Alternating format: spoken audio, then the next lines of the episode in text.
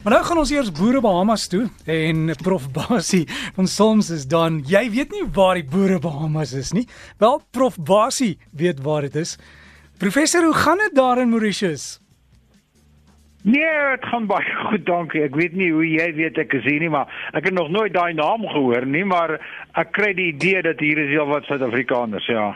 Ja, en ek kyk gou die temperatuur daar. Ek sien waar jy is in Port Louis, 28 grade by oomblik. Dis is al wat 6:30 se koers. Hoe laat is dit by julle?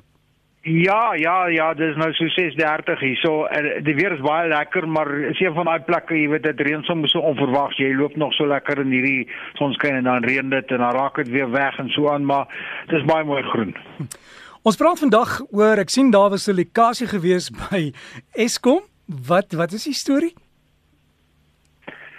Ja, dis 'n interessante storie. Dit blyk amper vir my Eskom verloor nie net ons elektrisiteit nie, maar hulle verloor nou ook ons persoonlike data. Daar was nou die afgelope week heelwat berigte gewees dat 'n groot hoeveelheid data wat aan Eskom, persoonlike data van Eskom se kliënte met baie sensitiewe inligting is iewers op 'n database gevind wat Eskom sê nie hulle database is nie. Uh maar dit lyk skynbaar hulle data te wees. En hulle sê nou maar, jy weet, dit is nie hulle skuld nie want die data is nie op hulle database nie, maar dit moes iewers van hulle database af gekom het.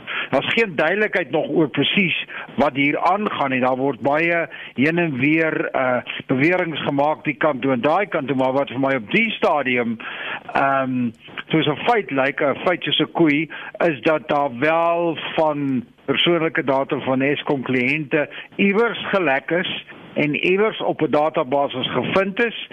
Uh en wat die gevolg daarvan gaan wees, weet ons nie. Maar soos wat ons staatspresident verlede week gesê het, kom ons hou hierdie spasie dop. Ek sal hom dophou en terugrapporteer sodra daar meer duidelikheid is watse data dit is, watter gebruikers dit is en of uh miskien van RG se luisteraars moet gaan kyk of van hulle data daarbey betrokke is. En Prof, daar is op Mauritius, ek het jare gelede 'n storie gelees dat hulle wil op die hele eiland gratis internet aan almal gee. Het hulle dit toe reg gekry? Wel ek weet nie, oral waar ons was, het ons nie 'n probleem gehad nie. Uh baie maklik, baie vinnig en as ek sê, ons sit op die oomblik in 'n in 'n area uh, uh, wat bekend staan as uh, as Cyberstad of Cyber City en hier is 'n klomp klomp tegniese maatskappye en hier is die wifi redelik uh jy weet uh, versadig eintlik die omgewing. So hulle is ernstig besig daarmee en hulle verskaf dit en in die hotelle natuurlik maar die meeste hotelle kry mens dit. Maar nog altyd natuurlik die uh, risiko waaroor ons al baie gepraat het wees baie versigtig vir gratis wifi. En in ons slim stede waarvan onder andere Johannesburg en 'n klomp Suid-Afrikaanse stede uh, uh nou besig is om slim te word uh is om gratis wifi uit te rol en beskikbaar te stel aan alle gebruikers. Um ek weet nie of dit heeltemal so slim is nie want ek beskou dit nog altyd as 'n baie groot risiko. Maar daar's ook nou 'n bietjie navorsing hier in Suid-Afrika met Sona die president se toespraak, die klomp mense wat hulle wil aanstel om te kyk na die 4de industriële revolusie. Ja, hy het ek het nou spesifiek die hele suk geluister, dis die eerste keer seker in my lewe wat ek na so iets luister.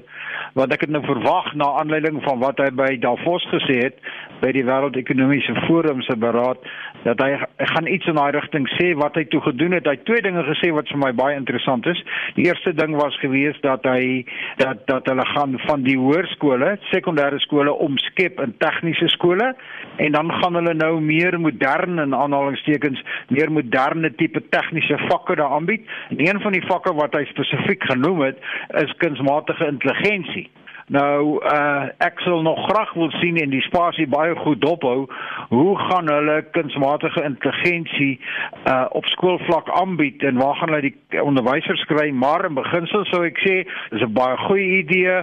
Ons het uh meer skole nodig wat op daai vlak kan konsentreer ook in voorbereiding vir die sogenaamde 4de industriële revolusie en dan het hy spesifiek aangedui dat hy gaan 'n presidensiële komitee aanstel om aanstel wat hom moet adviseer oor die 4de industriële revolusie. Nou net so 'n woord vinnig daaroor vir die luisteraars.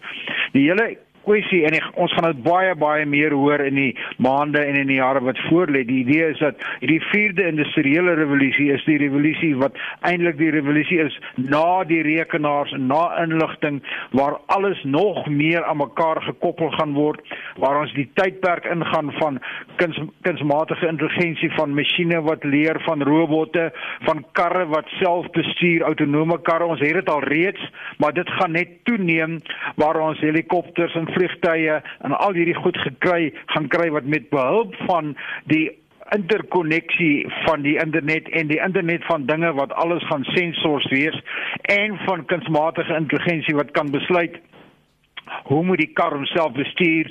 Dit dit is die dit is tot 'n mate wat die vierde generasie vierde industriële revolusie behels. En dit is waaroor hy hierdie komitee aangestel het. Die hele wêreld is besig om daarna te kyk. Uh, en soos wat uh, die mense seker ook maar weet is ek 'n bietjie sinies oor baie van die goed want weet kom ons vat 'n voorbeeld. Kom ons vat 'n kar wat homself bestuur. Daai kar daai autonome motor moet geprogrammeer word of dit nou met kunsmatige intelligensie is of wie ook al. En daai kar moet op 'n stadium ry hy en hy gaan 'n ongeluk maak. Hy moet of oor die afgrond jaag met sy passasiers of hy moet regs draai en hy moet voor 'n ander kar inry. Watter besluit gaan hy neem? Daai besluit moet dus vooraf tot 'n mate geprogrammeer gaan word of hy moet op daai stadium besluit watter een van die besluite moet hy neem. So dit klink baie goed en en ons is al baie ver gevorder daarmee. Maar uh ek dink nie ons is heeltemal al reg daar nie en ek weet nie of ons dit ooit heeltemal regtig gaan doen nie. Kan doen nie. En dan is daar 'n pa wat sê Instagram het gehelp om sy dogter te laat selfmoord pleeg. Ja, dit is 'n tragiese verhaal daai. Ehm um, die agtergrond is 'n Duitse ouer dink ek of 'n Engelse ouer, nee, is Engelse ouers. Ek dink die meisie soos so van was Holly geweest of so iets. Sy het einde verlede jaar het sy selfmoord gepleeg. Sy het begin kyk op Instagram na foto's van kinders, veral meisies van haar ouderdom wat hulle self beseer, wat hulle sny met lemme en messe en totaal half vermink en uh, dit het haar skynbaar op 'n of ander manier oor die afgrond gedryf en sy selfmoord gepleeg. Sy was 15 jaar oud gewees. Nou reken die pa dat uh, Instagram wat waar hierdie dogter van hom hierdie foto's gesien het, is verantwoordelik daarvoor. Nou of daar 'n hofsaak daaruit sal kan kom, weet ek nie en of mens werklik op die geval die die die sosiale netwerk synde nou Instagram kan verantwoordelik hou vir die kind se dood, weet ek ook nie. Jy kan miskien vir hulle verantwoordelik hou dat hulle sulke foto's gemaak het, maar sulke foto's is ook nie onwettig nie. So waar die ding gaan draai, weet ek nie. En en en die feit is dis nie asof daar nou 'n kiberboelie was of 'n kind gewees, 'n ander kind wat daar geboelie het en wat 'n mens kan gaan terugspoor en sê hierdie ouers verantwoordelik daarvoor, kom ons hou hom uh wettelik verantwoordelik. Hier is dit net 'n klomp foto's wat verskyn het en waar aan die kind skynbaar heeltemal uh, uitgehak het en selfmoord gepleeg. So ek weet nie, ek is nie regsgeleerde nie.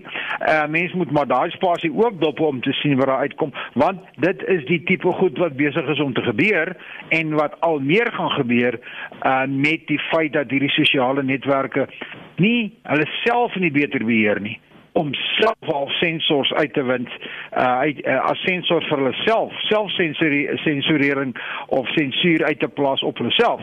Maar daar is nie 'n wet daarvoor wat hulle verplig om te doen nie totdat ons dan nou sodanige wet of regulasies gaan kry. En natuurlik kan Instagram omdraai en vir die pa sê maar hoekom het jy jou dogter toegelaat om so baie tyd daarop te spandeer?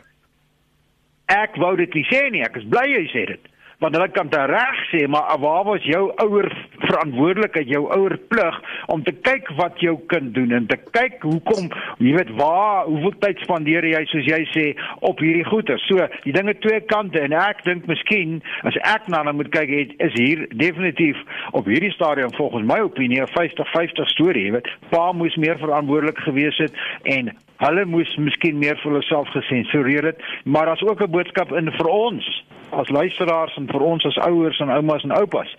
Jy weet, uh, jy kan nie ander kant gaan verantwoordelik hou, maar dit is dieselfde as jy vir jou 9 of 10 of 12 jarige kind jou kar se sleutels gee en gaan ry en hy maak 'n ongeluk en hy kom iets oor en jy beskuldig die drywer, die bestuurder van die ander motor.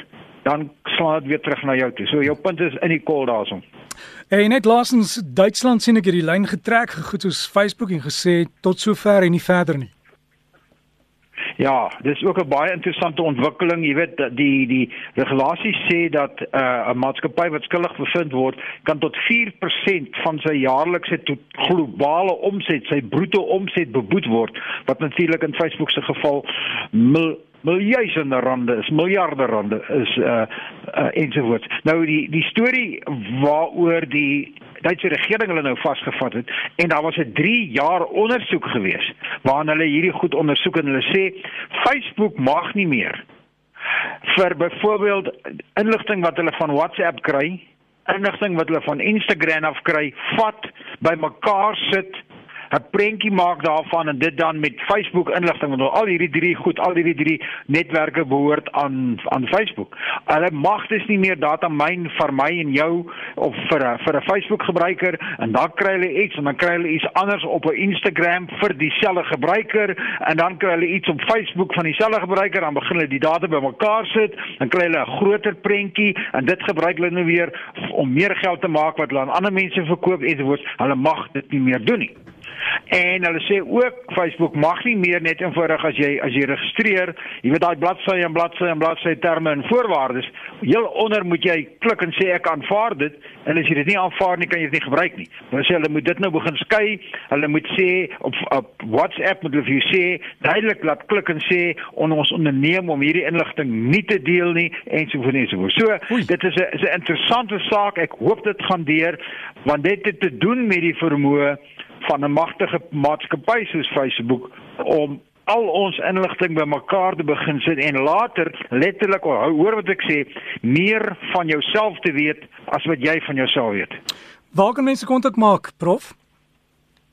Ehm um, er is gee basie by gmail.com stuur gerus uh, vir my antwoorde of of vra ek het 'n uh, paar interessante uh, e-posse gekry wat ons miskien later oor gaan gesels. Byvoorbeeld die hele kwessie van hierdie onverwagse telefoonoproep wat 'n mens kry van 'n snaakse nommer af. Maar uh, dis maar wat die luisteraars vir my stuur. Laat laat weet maar as as ek dit enigstens kan antwoord dan sal ons dit op 'n stadium inwerk. En professor voor jy terugkom kry net vir my asseblief daar 'n botteltjie orangina. Dis so boepens glasbotteltjie koeldrank. Ek sal die geld teruggee O ja, okay, ek sal ek sal 'n bietjie rondkyk en as ek dit kry sal ek dit doen. Uh solank daar nou net nie uh uh on onwettige middele in is wat die douane op uh Oortambo my gaan voorkeer nie. Maar dan is dit jou skuld as ek in die tronk gaan sit. Nee, ons se geld hier om jou uit die tronk te kry, professor.